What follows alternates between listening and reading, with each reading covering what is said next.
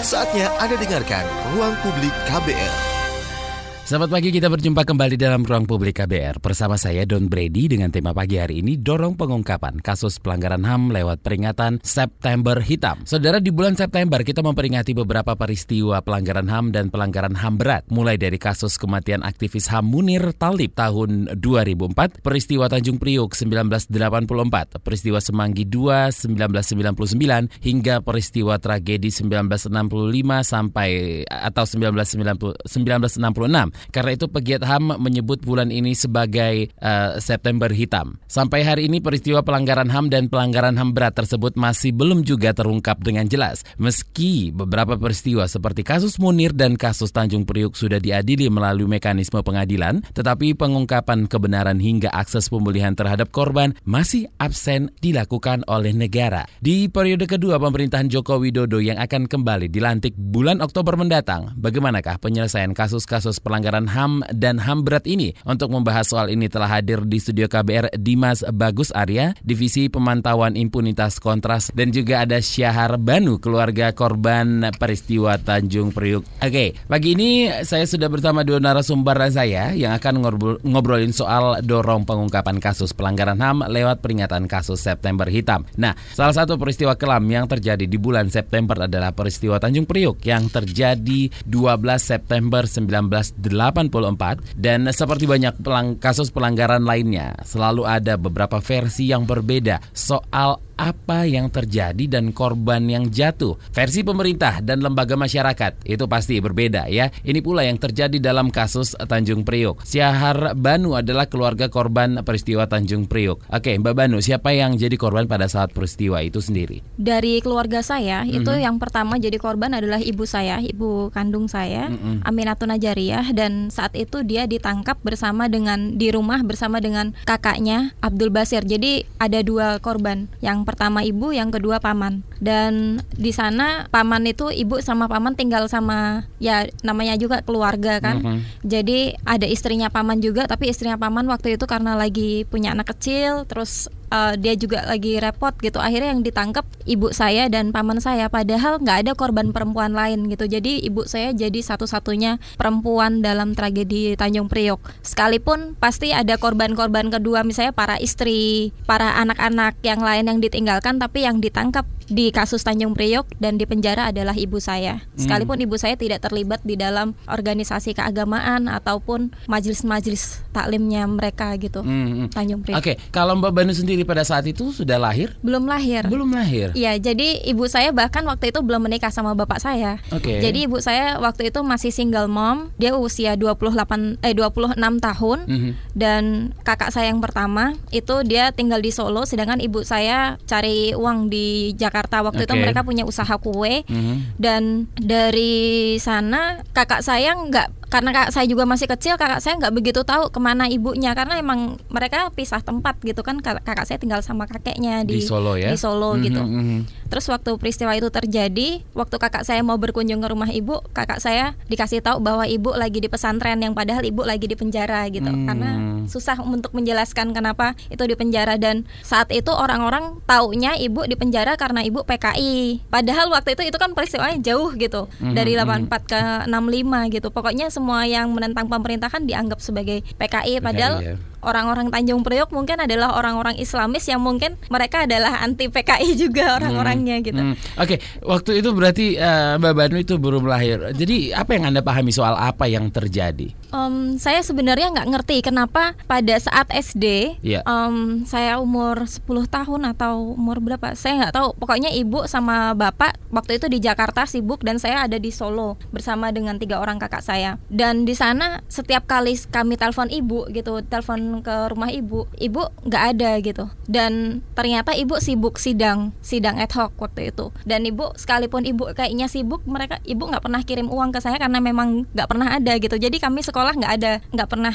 yang namanya bayar sekolah nggak Hmm. pernah beli seragam gitu. Jadi kami makan tuh ngerambah apa ngambil bayam-bayam di pinggir rumah kayak gitu Hmm. aja untuk bisa makan sehari-hari gitu. Terus kami mempelajari kenapa sih ibu nggak pernah kirim uang kenapa sih eh, bapak nggak pernah pulang gitu. Yang pada akhirnya kami dijelaskan bahwa ibu lagi sibuk sidang segala macam. Yang akhirnya waktu itu ibu eh, suatu hari pulang ke rumah dengan bilang bahwa pembelanya ibu udah meninggal gitu. Aku nggak ngerti anak Hmm, kecil hmm. siapa pembelanya ibu. Ternyata itu adalah Munir. Dan saat kematian Munir itu sidang-sidang juga segala macam kayaknya berhenti dan kemudian ibu kembali ke Solo karena ngerasanya kalau nggak ada Munir siapa lagi yang mau maju gitu. Akhirnya Mbak Banu tahu walaupun tidak secara detail seperti yang Mbak Banu katakan tadi itu uh, dari mana? Apakah ibu ibu sendiri yang mengatakan atau bercerita kepada Mbak Banu apa yang dialami ibu sendiri? Ibu bercerita, tapi ibu berceritanya tidak secara utuh. Kemudian ibu tahu-tahu bawa buku dan ibu bilang ibu yang nulis buku itu. Buku itu judulnya mereka bilang di sini tidak ada Tuhan. Buku itu terbitan Kontras dan itu adalah cerita memoir dari para korban Tanjung Priok. Kemudian dari buku itu saya mulai bertanya sama ibu peristiwanya seperti apa. Kemudian kenapa dari korbannya yang ribuan orang em, mereka di di penjara tanpa pengadilan, mereka disiksa, kemudian mereka juga sebagian langsung dibantai begitu saja. Kenapa sekarang tinggal waktu itu tinggal 13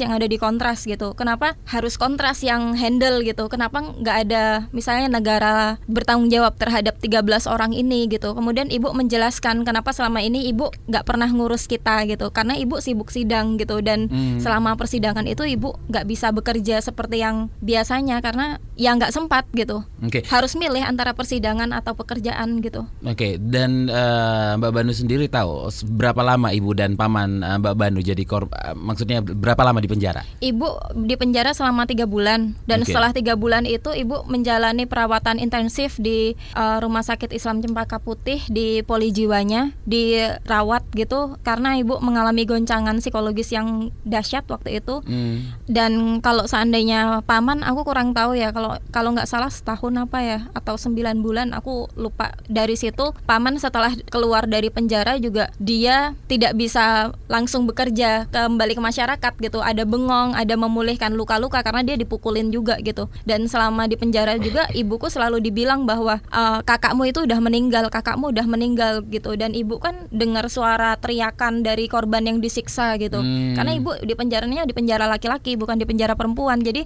sebelah sebelah selnya ibu itu adalah para orang-orang Tanjung Priok yang disiksa saat itu dipaksa mengaku bahwa mereka mau makar ke negara gitu. Yang padahal banyak orang yang se- sebenarnya waktu itu cuma lewat aja tapi ikut diciduk gitu lewat jalan yang peristiwa Tanjung Priok itu dekat Polres gitu misalnya tukang jualan atau apa kayak gitu itu ikut diciduk gitu dan ibu sebagian besar nggak kenal sama mereka Malah tidak kenal sebagian besar sama, sama yang eh, ditangkap pada saat iya, itu ya. Betul. Oke. Ibu cuma kenal uh, Pak Basir, terus ada yang namanya Pak Saiful. Pak Saiful itu sahabatnya ibu juga ditangkap, tapi aku kurang tahu bagaimana Pak cerita Pak Saiful itu ditangkap gitu. Hmm, Oke, saya mau ke em, Mas Dimas dulu. Mas Dimas dalam konteks Indonesia modalitas pemerintah dan penegakan hukum. Dalam penyelesaian kasus pelanggaran HAM berat itu tertuang dalam Undang-Undang 1945 TAP MPR nomor eh, 17 ya tahun 1998 tentang HAM dan juga Undang-Undang nomor 26 tahun 2000 tentang pengadilan HAM. Jadi sebenarnya landasan atau untuk penegakan hukum dan penyelesaian HAM ini sudah cukup atau tidak secara aturan? Eh, secara aturan formalnya sebenarnya landasan-landasan peraturannya sudah sangat cukup dan sangat mumpuni Hmm. Mas Don. Tetapi yang jadi persoalan atau ganjalannya adalah sebenarnya bagaimana pemerintah mau menjalankan aturan-aturan yang yang ada tertuang dalam undang-undang tersebut. Nah, selama ini aturan-aturan di Undang-Undang 26 2000 itu udah jelas bagaimana mekanisme atau pembentukan pengadilan HAM ad hoc untuk mengadili kasus-kasus pelanggaran HAM berat. Tetapi balik lagi karena adanya ketidakmauan secara politis dari pemerintah untuk menyelesaikan kasusnya, jadi sempat tertunda-tunda. Bahkan Tanjung Priuk ini eh, kejadian 84 tetapi pengadilannya sendiri itu baru terbentuk tahun 2001 yang mana prosesnya sangat lama. Belum lagi pelanggaran-pelanggaran HAM berat lainnya yang sampai sekarang masih belum ada mekanisme pengadilan HAM ad hoc-nya. Jadi memang yang dibutuhkan yang jadi persoalan paling besar untuk penyelesaian kasus pelanggaran HAM berat itu adalah kemauan secara politis yang yang harus dipunyai oleh pemerintah. Hmm, oke. Nah, secara khusus bagaimana dengan kasus Tanjung Priok itu? Yang disidang adalah em, tokoh-tokoh agama yang dianggap penghasut masyarakat dengan vonis beragam bahkan belasan tahun penjara. Bagaimana dengan aparat yang melakukan pelanggaran? Pengadilan yang menghukum beberapa warga atau masyarakat waktu itu, Cak Munir sebagai salah satu advokat dari Kontras yang waktu itu mendampingi kasusnya, itu bilang bahwa pengadilan itu adalah pengadilan fiktif. Yang pertama karena tidak ada mekanisme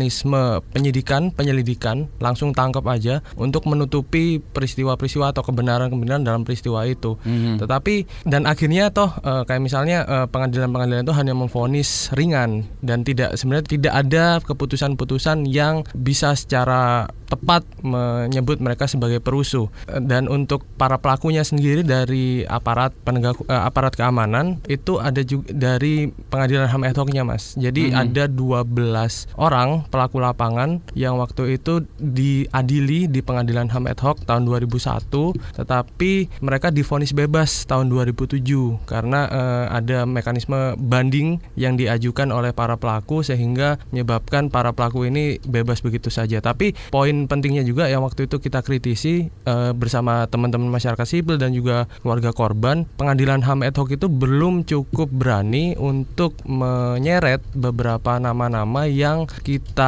sebut sebagai aktor intelektualnya. Hmm. Jadi yang diseret ke dalam pengadilan HAM ad hoc itu waktu itu adalah petugas lapangan yang mereka hanya menjalankan rantai komando yang diberikan oleh eh, komandan mereka di atasnya. Oke, jadi em, secara kasus Tanjung Priok ini masuk pelanggaran HAM berat kah? Iya, eh, berdasarkan catatan atau hasil penyelidikan pro justisia atau berbasis hukum, penyelidikan berbasis hukum yang dilakukan oleh Komnas HAM, kasus Tanjung Priuk ini merupakan salah satu dari kasus pelanggaran HAM berat yang terjadi. Indikatornya apa? Indikatornya ada eh, ba- banyak Mas. Yang pertama untuk bisa disebut sebagai pelanggaran HAM berat itu harus memenuhi kualifikasi terstruktur. Jadi pelanggaran atau peristiwanya itu harus ada struktur komando, ada Aha. struktur eh, siapa saja yang melakukan represivitas terhadap masyarakat, terus eh, bersifat sistematis dalam artian banyak banget korbannya, lebih dari satu, dan itu juga eh, bersifat meluas dan juga masif, masif dalam artian efeknya kepada masyarakat lain dan juga korban keluarga korban itu sendiri itu sangat-sangat eh, besar efeknya. Untuk kasus Tanjung Priuk ini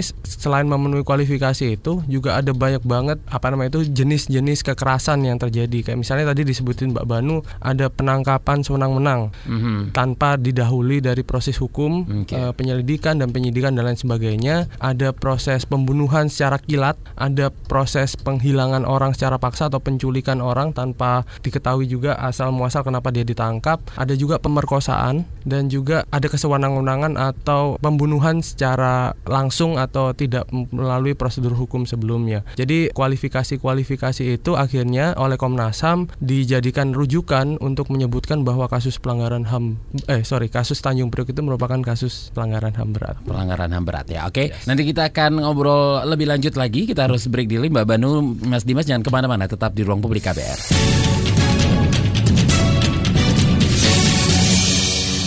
Anda masih mendengarkan Ruang Publik KBR bersama saya Don Brady dengan tema pagi hari ini dorong pengungkapan kasus pelanggaran HAM lewat peringatan September Hitam. Saya masih bersama Dimas Bagus Arya Divisi Pemantauan Impunitas Kontras dan Syahar Banu keluarga korban peristiwa Tanjung Priok. Oke, saya ke Mbak Banu dulu. Em, Mbak Banu, sampai sekarang ada stigma yang dilekatkan pada keluarga nggak sih? Dari dulu sampai sekarang ada yang berubah atau masih tetap sama? Ada yang berubah sih. Hmm. Walaupun kalau dulu kan berkaitan sama PKI PKI. Kalau Ya. sekarang mungkin wah ini orang keluarga sekeluarga ngelawan pemerintah semua gitu. Masih ya sampai Iya. sekarang. Masih eh, Hmm. kalau ke ibu karena ibu udah nggak banyak terjun di masyarakat lagi karena ibu saya kan pernah kecelakaan dan dari kecelakaan itu dia ada di kursi roda. Sampai sekarang. Uh-uh, istilah cacat lah gitu kaki kanannya sehingga dia nggak banyak bergaul lagi sama banyak masyarakat tapi kalau saya sendiri ketika saya bicara soal itu kan dibilang sama netizen saya itu social justice justice warrior.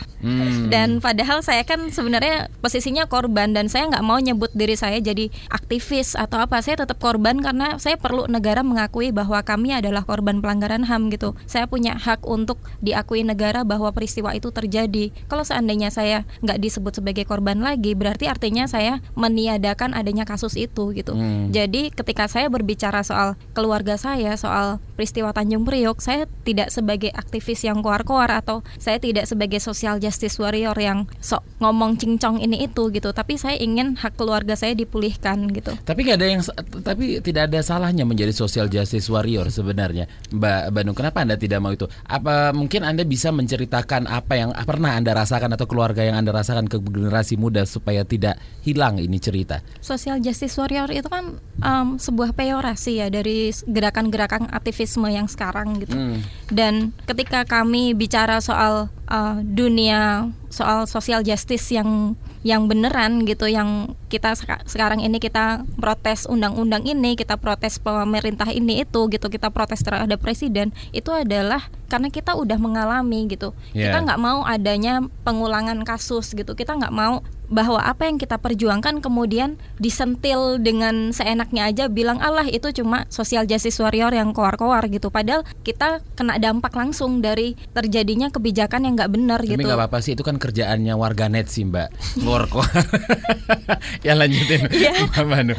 Tapi tetap aja kalau saya nggak suka gitu nggak suka dengan itu kayak seolah-olah apa yang telah ibu saya alami yang yeah. sekarang mungkin tongkat estafetnya diteruskan sama saya dari pak dari kakak-kakak kakak yang lain gitu karena kakak yang lain nggak nggak ada di Jakarta mereka nggak terjun dalam dunia aktivisme kayak gitu itu meneruskan tongkat estafet dan kita masih berjuang untuk hal yang sudah terjadi tahun 84 loh kenapa ketika kita berjuang terhadap apa yang terjadi di saat sekarang itu jadi nggak relevan cuma karena ada beberapa orang yang membicarakan hal tersebut dan disebut social justice warrior gitu hmm. jadi itu kayak mengecilkan apa yang telah dialami oleh korban sampai sekarang ibu saya masih masih mimpi buruk soal peristiwa itu uh, ngedengerin orang yang disiksa terus menerus 24 jam itu bukan sesuatu yang mudah apalagi Betul. untuk perempuan mm-hmm. dan saya juga baru mempelajari belakangan ini kalau saya bertanya sama ibu saya waktu ibu lagi haid selama tiga bulan itu berarti haid kan tiga kali gitu mm-hmm. di penjara ibu gimana gitu ibu nggak dikasih pembalut gitu padahal itu adalah hak dasar seorang perempuan Betul. sanitasi gitu mm. Terus ibu juga kamar mandinya juga nggak layak gitu. Waktu itu airnya penuh kapur sehingga ibu juga nggak dikasih sikat gigi sehingga sampai sekarang gigi ibu rusak gitu. Dan dengan dampak-dampak yang sampai sekarang masih terasa dan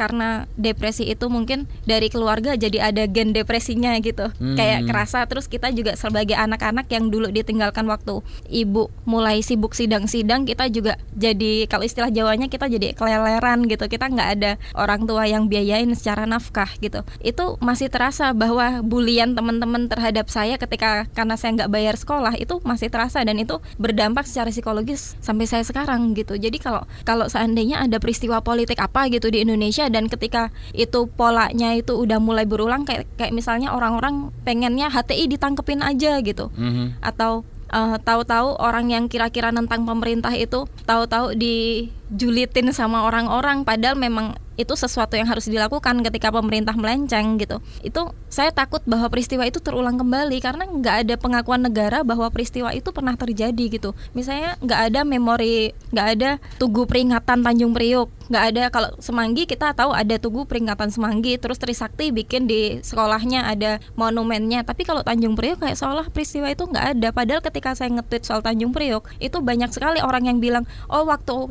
peristiwa itu aku masih SD, jalanan penuh darah saksinya tuh banyak tapi seolah-olah hmm. peristiwa ini nggak hmm. ada gitu hmm. seolah-olah ketika saya mengaku di publik bahwa saya adalah korban keluarga korban Tanjung Priok dan orang-orang bilang kenapa sih nyebut itu terus karena banyak orang yang masih nggak tahu dan saya ingin orang tahu supaya orang mempelajari polanya itu seperti ini loh. Oke, tadi Mbak Banu juga sempat mengatakan tongkat estafet itu dia sudah diberikan ke keluarga-keluarga dan yang Mbak Banu lakukan sekarang adalah menceritakannya ke masyarakat oh, ke orang banyak ke warganet atau um, ke siapa ini ke generasi yang lebih muda dalam keluarga kah? Atau gimana? Saya pengennya sesama anak keluarga korban gitu. Kita berjejaring dan kita tetap mengawal. Misalnya kalau ada undang-undangnya apa sih undang-undangnya yang ada? Misalnya ketika ada sidang lanjutan kemarin kan Komnas HAM misalnya wawancara ibu saya bahwa Komnas HAM memberikan surat pengakuan bahwa ibu saya memang korban pelanggaran HAM gitu. Dari tahun-tahun dari tahun ke tahun baru tahun ini surat tersebut keluar gitu. Ini ada apa gitu. Bahkan terus selama bertahun-tahun ibu saya dianggap sebagai apa selama ini gitu. Kemudian saya ingin juga hmm, misalnya lembaga kayak LPSK itu memberikan uh, jaminan sosial kesehatan dari ibu saya karena ibu saya masih harus menjalani mungkin terapi psikologis hmm. atau ke psikiater atau ke psikolog gitu untuk memulihkan mm, psikologisnya yang masih trauma dari zaman dulu 35 tahun lalu sampai sekarang gitu. Tapi kan kalau kita tuh sistemnya di LPSK itu kan harus daftar lagi, daftar lagi, daftar lagi dan harus kelihatan bahwa dia benar-benar sakit gitu. Sehingga sekarang BPJS ibu saya selama 2 tahun nggak terbayar, nggak dibayar sama LPSK dan ketika saya bilang tolong dong dibayar gitu, uh, saya harus mengajukan lagi gitu. Hmm. Saya harus mengajukan lagi permintaan pembayaran BPJS BPJS dan saya nggak tahu mau sampai kapan pola saya harus mengajukan lagi. Kemudian harus bawa-bawa surat sebagai korban pelanggaran HAM kemudian yang kayak gitu tuh terjadi terus menerus terjadi gitu. terus menerus ya Mbak hmm. Banu oke Mas Dimas apa yang menjadi kendala menurut kontras sehingga pengungkapan kebenaran hingga akses pemulihan terhadap korban masih absen dilakukan oleh negara? Ini tidak bisa dilakukan atau gimana? Yang tadi sempat saya singgung juga hambatan paling besar adalah kemauan politik jelas. Kemauan politik. Iya kemauan hmm. politik bagaimana aktor aktor-aktor yang ada di pemerintah, pemangku kebijakan dan juga orang-orang yang sebenarnya bisa untuk bertanggung jawab terhadap proses itu itu sekarang punya kekuatan politik yang cukup besar, Mas. Hmm. Nah, itu yang sebenarnya menghambat bagaimana proses penuntasan dan juga pengungkapan kebenarannya. Padahal kalau misalnya tadi Mbak Banu menjelaskan secara bagus banget pengungkapan kebenaran itu berfungsi untuk kita sebagai anak-anak yang tidak lahir dalam peristiwa tersebut yeah. itu tahu bahwa ada peristiwa tersebut. Yeah. Nah, hal-hal seperti itu sebenarnya sangat gampang dilakukan. Kita pernah waktu tahun 2000-an itu audiensi ke Pemprov DKI Jakarta untuk meminta adanya simbol atau tugu pengingat untuk kasus kerusuhan e, Mei tanggal 13 sampai 15 98. Dan tahun 2016 ketika pemerintahan administratifnya Pak Ahok itu dibikin satu monumen di TPU Pondok Rangon di Jakarta Timur untuk mengingat bahwa peristiwa kerusuhan itu memang ada dan memakan banyak korban yang dikuburkan di areal TPU itu. Nah, peristiwa e, Tanjung Priok kita mintakan hal yang serupa ke Pemprov DKI Jakarta tapi masih belum ada titik terang dalam artian masih belum ada hal-hal yang e, mereka urgent untuk bisa diakomodir uh, dan untuk direalisasikan. Jadi pengungkapan kebenaran itu sebenarnya hal-hal yang gampang gitu loh. Mm -hmm. Kita cuma perlu untuk mengasih tahu kepada publik bahwa ada peristiwa ini, ada korbannya dan juga uh, dengan adanya sebuah monumen pengingat itu seenggaknya peristiwa serupa tidak akan terjadi lagi. Dan juga untuk pemulihan kepada korban itu sendiri sebenarnya karena di Indonesia ini mekanisme atau cara untuk melakukan pemulihan kepada korban pelanggaran HAM berat itu dibebankan kepada satu lembaga negara namanya Lembaga Perlindungan Saksi Korban yang tadi disebutkan yeah. LPSK. LPSK. Uh, eh, sementara anggaran LPSK sendiri itu sangat-sangat kurang, sangat-sangat minim yang mana akhirnya pemberian uh, pemulihan baik itu pemulihan secara material atau uh, ganti rugi uh, harta benda yeah. maupun pemulihan-pemulihan yang tidak bisa diukur uh, nominalnya itu sangat-sangat uh, terganggu karena memang pos anggaran atau postur anggaran untuk LPSK sendiri untuk pentas, pemulihan pelanggaran HAM berat itu sangat-sangat minim. Ini Jadi baru satu cerita saja dari Mbak hmm. Banu kita dengarkan ya. Hmm. Itu dari mungkin eh, puluhan ribu korban yang masih butuh pemulihan. Hmm. Tapi ini saja sulit sekali. Gimana dengan cerita korban yang lain ya, Mas Dimas ya? Baru ngomong uh, Tanjung Priok 84. Sementara uh. di Indonesia sendiri kan pelanggaran HAM berat itu merangkai dari uh, tahun 65 yeah. sampai uh, 98, 98 dan juga beberapa ada dari Aceh sampai Papua. Betul. Dan memang karena kalau tidak ada kemauan, tidak ada success story atau keberhasilan yang pernah dilakukan pemerintah untuk melakukan uh, penuntasan kasusnya secara optimal, maka akan sangat sulit ke depannya untuk berusaha untuk menyelesaikan kasus dari Aceh sampai Papua itu karena memang kita tidak pernah punya kemauan untuk secara politik atau secara benar-benar dalam kebijakan, dalam peraturan-peraturan yang lebih rendah daripada undang-undang itu menerapkan atau menghormati seenggaknya proses penuntasan kasus pelanggaran HAM berat. Oke, setelah break kita akan bacakan beberapa WhatsApp yang sudah masuk. Jangan ke mana-mana, tetap di ruang publik KBR.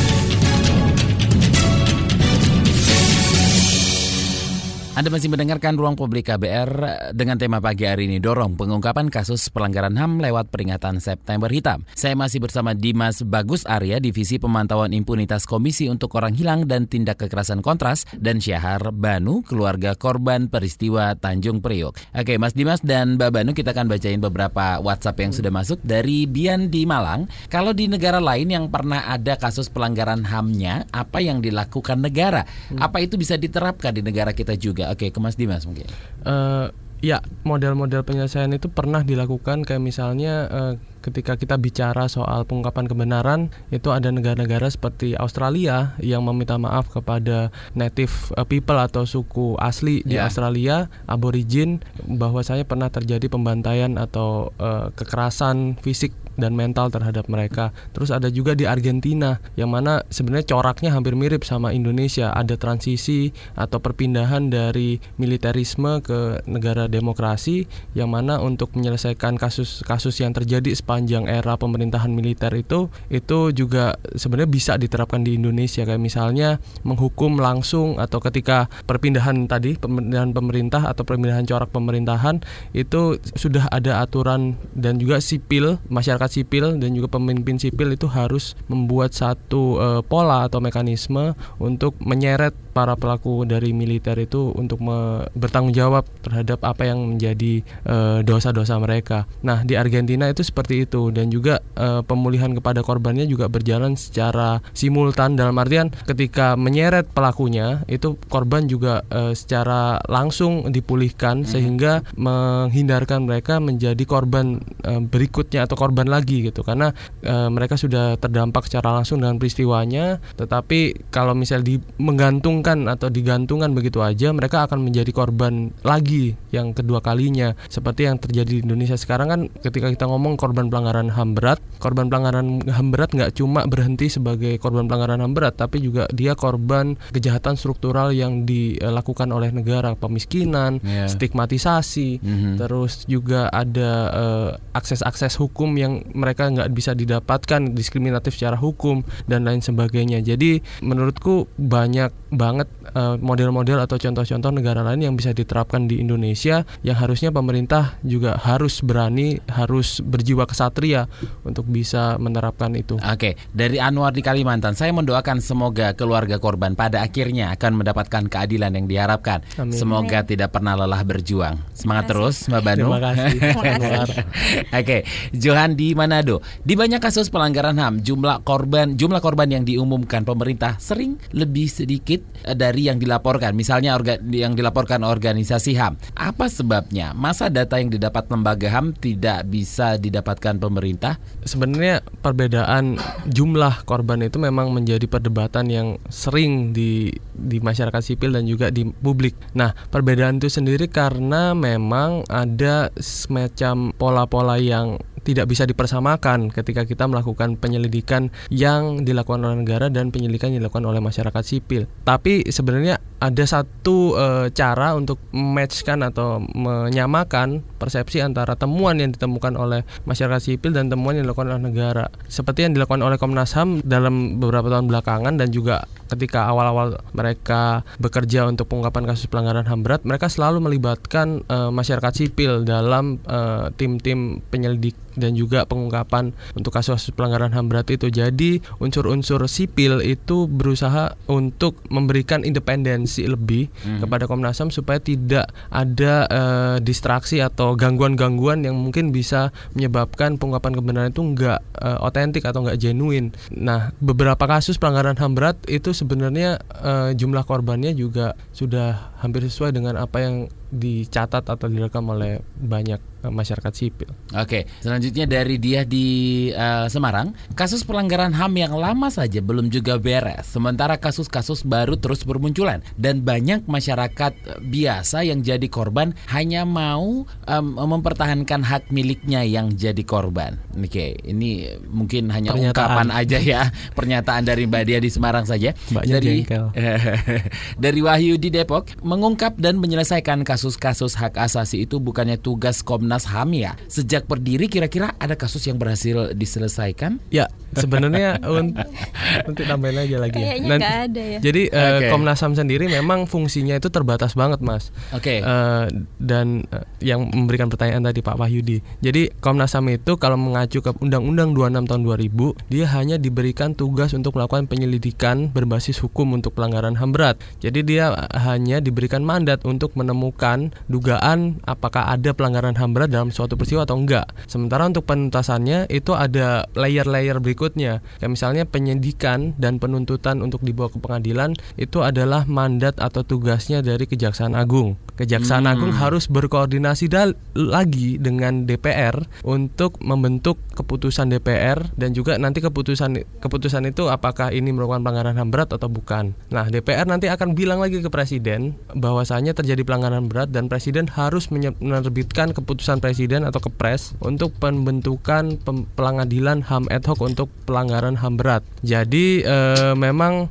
layernya itu berlapis dan itu yang menyebabkan susahnya untuk pengungkapan atau penyelesaian kasus di pengadilan untuk Mhm. pelanggaran HAM berat. Oke. Nggak cuma akhirnya nggak cuma Komnas HAM yang berwenang untuk menyelesaikan kasusnya itu secara menyeluruh. Ada banyak lembaga di situ. Ada nanti. banyak lembaga Oke. yang berperan. Pemeran, kita angkat dulu eh, Ibu Mantili di Bengkulu. Selamat pagi. Ya, saya ini dari mau kasih semangat sama mbaknya. Semoga masalah ini cepat Mhm. selesai Amin. dan ini juga bisa.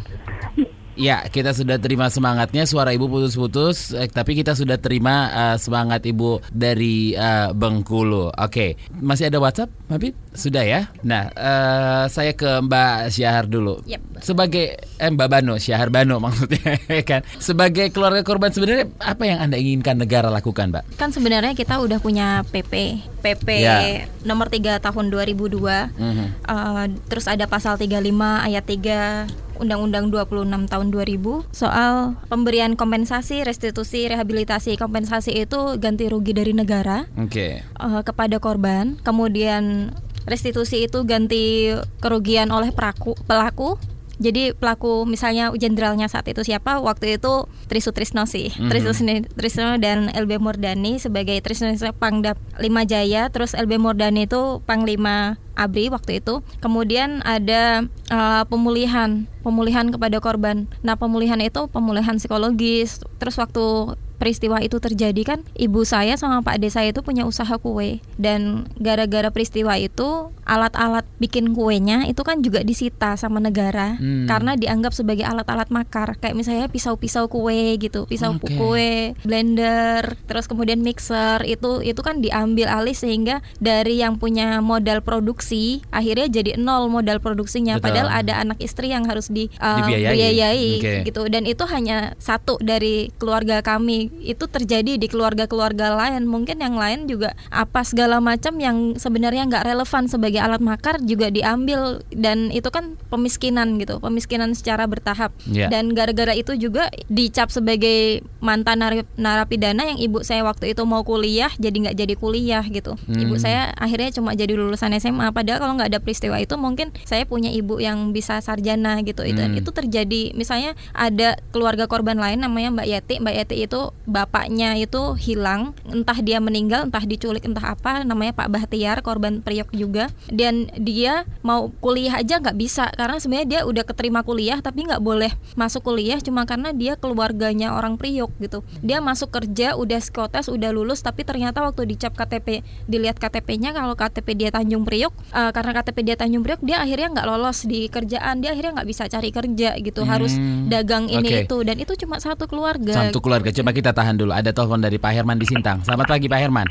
Selamat pagi. Iya, silakan. Iya, kalau menurut saya ya ini harus adanya koordinasi antara Komnas HAM. Tidak Hmm. boleh kita men- hanya menjalankan pemerintah aja. Hmm. Itu harusnya ada koordinasi kerjasamanya antara pihak korban dan pemerintah itu harus diperlukan. Kalau hanya mengandalkan pemerintah itu menurut saya tidak mungkin karena ini banyak unsur-unsur apa antara kebijakan hukum yang tersangkut di Komnas HAM ini, Pak. Nah, Hmm. ini berlapis ini. Kata yang dilak apa yang dibicarakan narasumber tadi itu benar. Itu berlapis prosesnya, Pak. Tidak Oke. hanya pemerintah dan tidak hanya Komnas HAM dan itu harus melalui pengadilan juga, Pak. Itu menurut saya harus adanya kerjasama yang lebih baik lagi. Terima kasih. Terima kasih Pak Herman di Sintang. Nanti kita tanggapi, kita harus break lagi. Jangan ke mana-mana, tetap di ruang publik KBR. Kita sudah di segmen terakhir Ruang Publik KBR dengan tema dorong pengungkapan kasus pelanggaran HAM lewat peringatan September Hitam. Saya masih bersama Dimas Bagus Arya, Divisi Pemantauan Impunitas Komisi untuk Orang Hilang dan Tindak Kekerasan Kontras, dan Syahar Banu, keluarga korban peristiwa Tanjung Priok. Oke, Mas Dimas dan Mbak Banu, tadi sebelum kita break sudah ada telepon dari Pak Herman di Sintang. Mungkin mau ditanggapi singkat saja, Mas Boleh. Dimas ya. Eh, jadi memang tadi pernyataan dari Bapak yang Herman. dari Sintang, Pak, Iya. Pak Herman, itu sebenarnya betul, tidak ada kesalahan. Cuman memang yang mem- memegang otoritas paling tinggi itu lagi-lagi adalah pemimpin negara, yang mana adalah presiden. Ketika presiden mempunyai kemauan politik, otomatis kasus pelanggaran HAM berat itu pasti akan selesai. Hmm, hmm. Nah, pertanyaannya sekarang sejak 21 tahun reformasi tidak ada presiden yang benar-benar eh kecuali Gus Dur. Gus Dur dan juga eh, almarhum B.J. Habibie yang baru meninggal itu punya keberanian untuk berdamai dengan masa lalu dalam artian menuntaskan kasus pelanggaran berat masa lalu. Gus Dur sebagai presiden eh, keempat Republik Indonesia itu punya inisiatif yang luar biasa untuk mendorong pembentukan pengadilan HAM ad hoc untuk kasus Tanjung Priuk. Hmm. Nah, dia mengesampingkan banyak banget gangguan-gangguan yang ada di sekeliling dia, gangguan-gangguan politik, gangguan-gangguan yang mungkin bisa mengancam nyawa dari presiden itu sendiri dan juga akhirnya terbukti Gus Dur dilengserkan itu karena memang dia sangat-sangat berani dalam posisi untuk melakukan penuntasan kasus pelanggaran HAM berat. Nah, Pak Jokowi juga har- harus berani karena di periode kedua dia sudah tanpa beban dan juga tanpa hal-hal yang bisa memberatkan langkah dia untuk melakukan penuntasan kasus. Sehingga kalau misalnya Pak Jokowi di termin kedua ini punya kemauan politik yang tinggi untuk penuntasan kasus pelanggaran HAM berat, bukan nggak mungkin eh, segala macam birokrasi antara eh, komunikasi koordinasi antara Komnas HAM dan Kejaksaan Agung serta jajaran lembaga lainnya itu eh, akan terurai dengan Iya, maksimal. Ini saatnya sih sebenarnya Ini ya Pak Jokowi untuk melakukan itu. Oke, em, judul perbincangan kita pagi ini adalah dorong pengungkapan kasus HAM lewat peringatan September Hitam. Peristiwa Black September atau September Hitam ini adalah sebutan untuk pembantai yang terjadi saat berlangsung eh, Olimpiade Munich di 1972 ya. Pada Olimpiade itu em, terjadi sebuah peristiwa tragis yang menimpa kontingen Israel yang dilakukan oleh kelompok yang bernama Black September.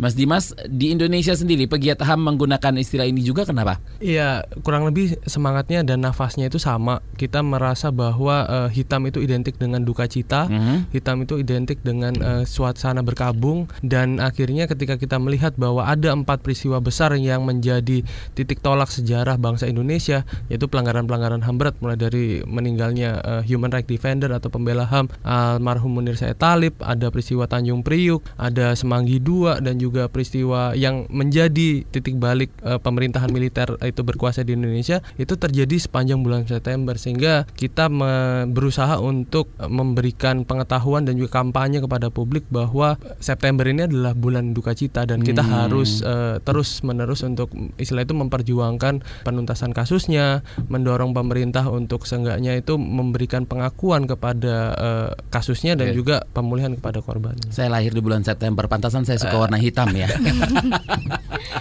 Gloomy nggak? Aduh, tapi kalau Vina Pandunata bilangnya September ceria. September ceria, Iya, bener. Iya kan? Iya kita lawan September hitam. Oke, menurut Anda sendiri Mas Dimas, apa dampaknya bila negara ini tidak mampu atau nggak mau nih mengungkap kasus-kasus pelanggaran HAM dan pelanggaran HAM berat? Dampaknya yang paling nyata itu eh, kalau misalnya Mas Don Hmm. dan juga teman-teman lain itu ingat tanggal 21 23 Mei kemarin ada peristiwa besar. Ya. Itu adalah eh, beberapa orang beropini bahwa itu adalah pengulangan ketika eh, peristiwa 98. Nah, dampak ketika kita tidak menyelesaikan kasus pelanggaran HAM berat adalah keberulangan peristiwa tersebut. Tidak adanya mekanisme penghukuman kepada pelaku, tidak ada mekanisme perlindungan hukum untuk orang-orang yang menjadi eh, potensial menjadi korban, tidak ada eh, pengingat atau penanda eh, bahwa pernah terjadi pelanggaran HAM berat, itu akhirnya memunculkan benih-benih kasus-kasus atau kekerasan-kekerasan yang serupa di masa depan. Sehingga eh, mau nggak mau ketika kita berbicara soal penuntasan kasus pelanggaran itu sebenarnya inline sama slogannya Pak Jokowi soal revolusi mental 4.0 Ya. Revolusi mental itu berarti kita harus punya pemahaman secara SDM, secara sumber daya manusia terhadap situasi-situasi sosial politik yang pernah terjadi di Indonesia dan harus berdamai dengan itu. Dalam artian berdamai itu menuntaskan kasus pelanggaran HAM berat itu secara optimal dan berkeadilan dan juga harus perspektif atau mengedepankan eh, kebutuhan para korban. Hmm, Oke, Mbak Banu, kasus Tanjung Priuk sudah terjadi 35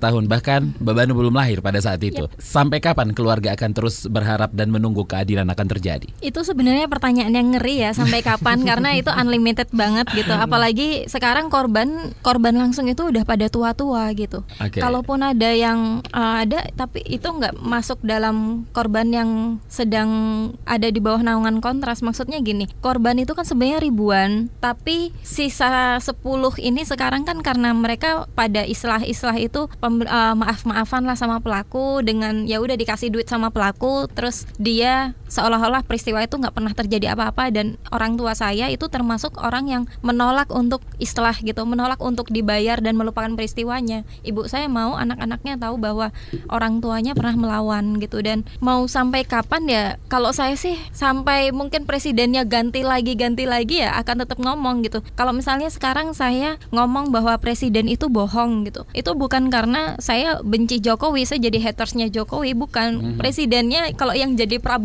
pun saya mungkin juga akan ngomong hal yang serupa gitu. Jadi kadang ada fanboy fanboy Jokowi yang menyerang secara pribadi ngapain sih benci banget sama pemerintah? Bla bla bla. Hey please saya juga voters Jokowi voters gitu loh. Tapi sekarang saya eh, misalnya kalau ikut kamisan gitu di depan istana negara kita kirim surat kepada presiden kita ngomong presiden harus jangan memberikan impunitas kepada para pelaku pelanggaran HAM gitu. Itu bukan karena kita benci sama sosok Jokowinya gitu. Tolong Oke. jangan dikultuskan tapi ke presidennya dan siapa pun presidennya kita akan tetap ngomong hal serupa dan saya jangan sampailah korban pelanggaran HAM itu yang sudah tua-tua sekarang ini meninggal duluan tapi kasusnya belum jadi apa-apa. Jadi kita butuh political will dari pemimpin Indonesia siapa pun itu. Oke, singkat saja mungkin eh, Mbak Banu, Mas Dimas, harapannya terhadap eh, Presiden Jokowi di periode kedua. Tadi sudah sempat kita singgung, well ini saatnya gitu Pak Jokowi untuk mengungkapkan apa yang eh, terjadi di masa lalu, khususnya kasus Tanjung Priuk, kasus pelanggaran HAM yang terjadi saat bulan September dan kasus-kasus pelanggaran HAM lainnya. Harapannya seperti apa, Mbak Banu?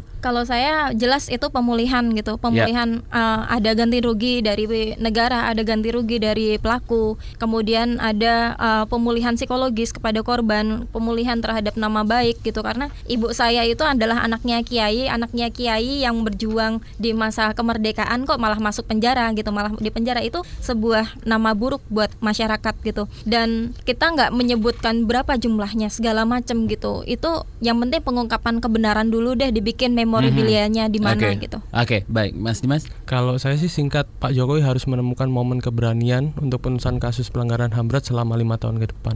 Oke, mudah-mudahan kita tunggu ya. Mudah-mudahan. Nanti di Oktober dilantik Pak Jokowi. Ditunggu Pak Ditunggu Jokowi Pak ya. Jokowi. Oke, Dimas Bagus Arya dari Kontras. Terima kasih Mas Dimas dan juga Syiar Banu keluarga korban peristiwa Tanjung Priuk. Saya Don Brady pamit salam.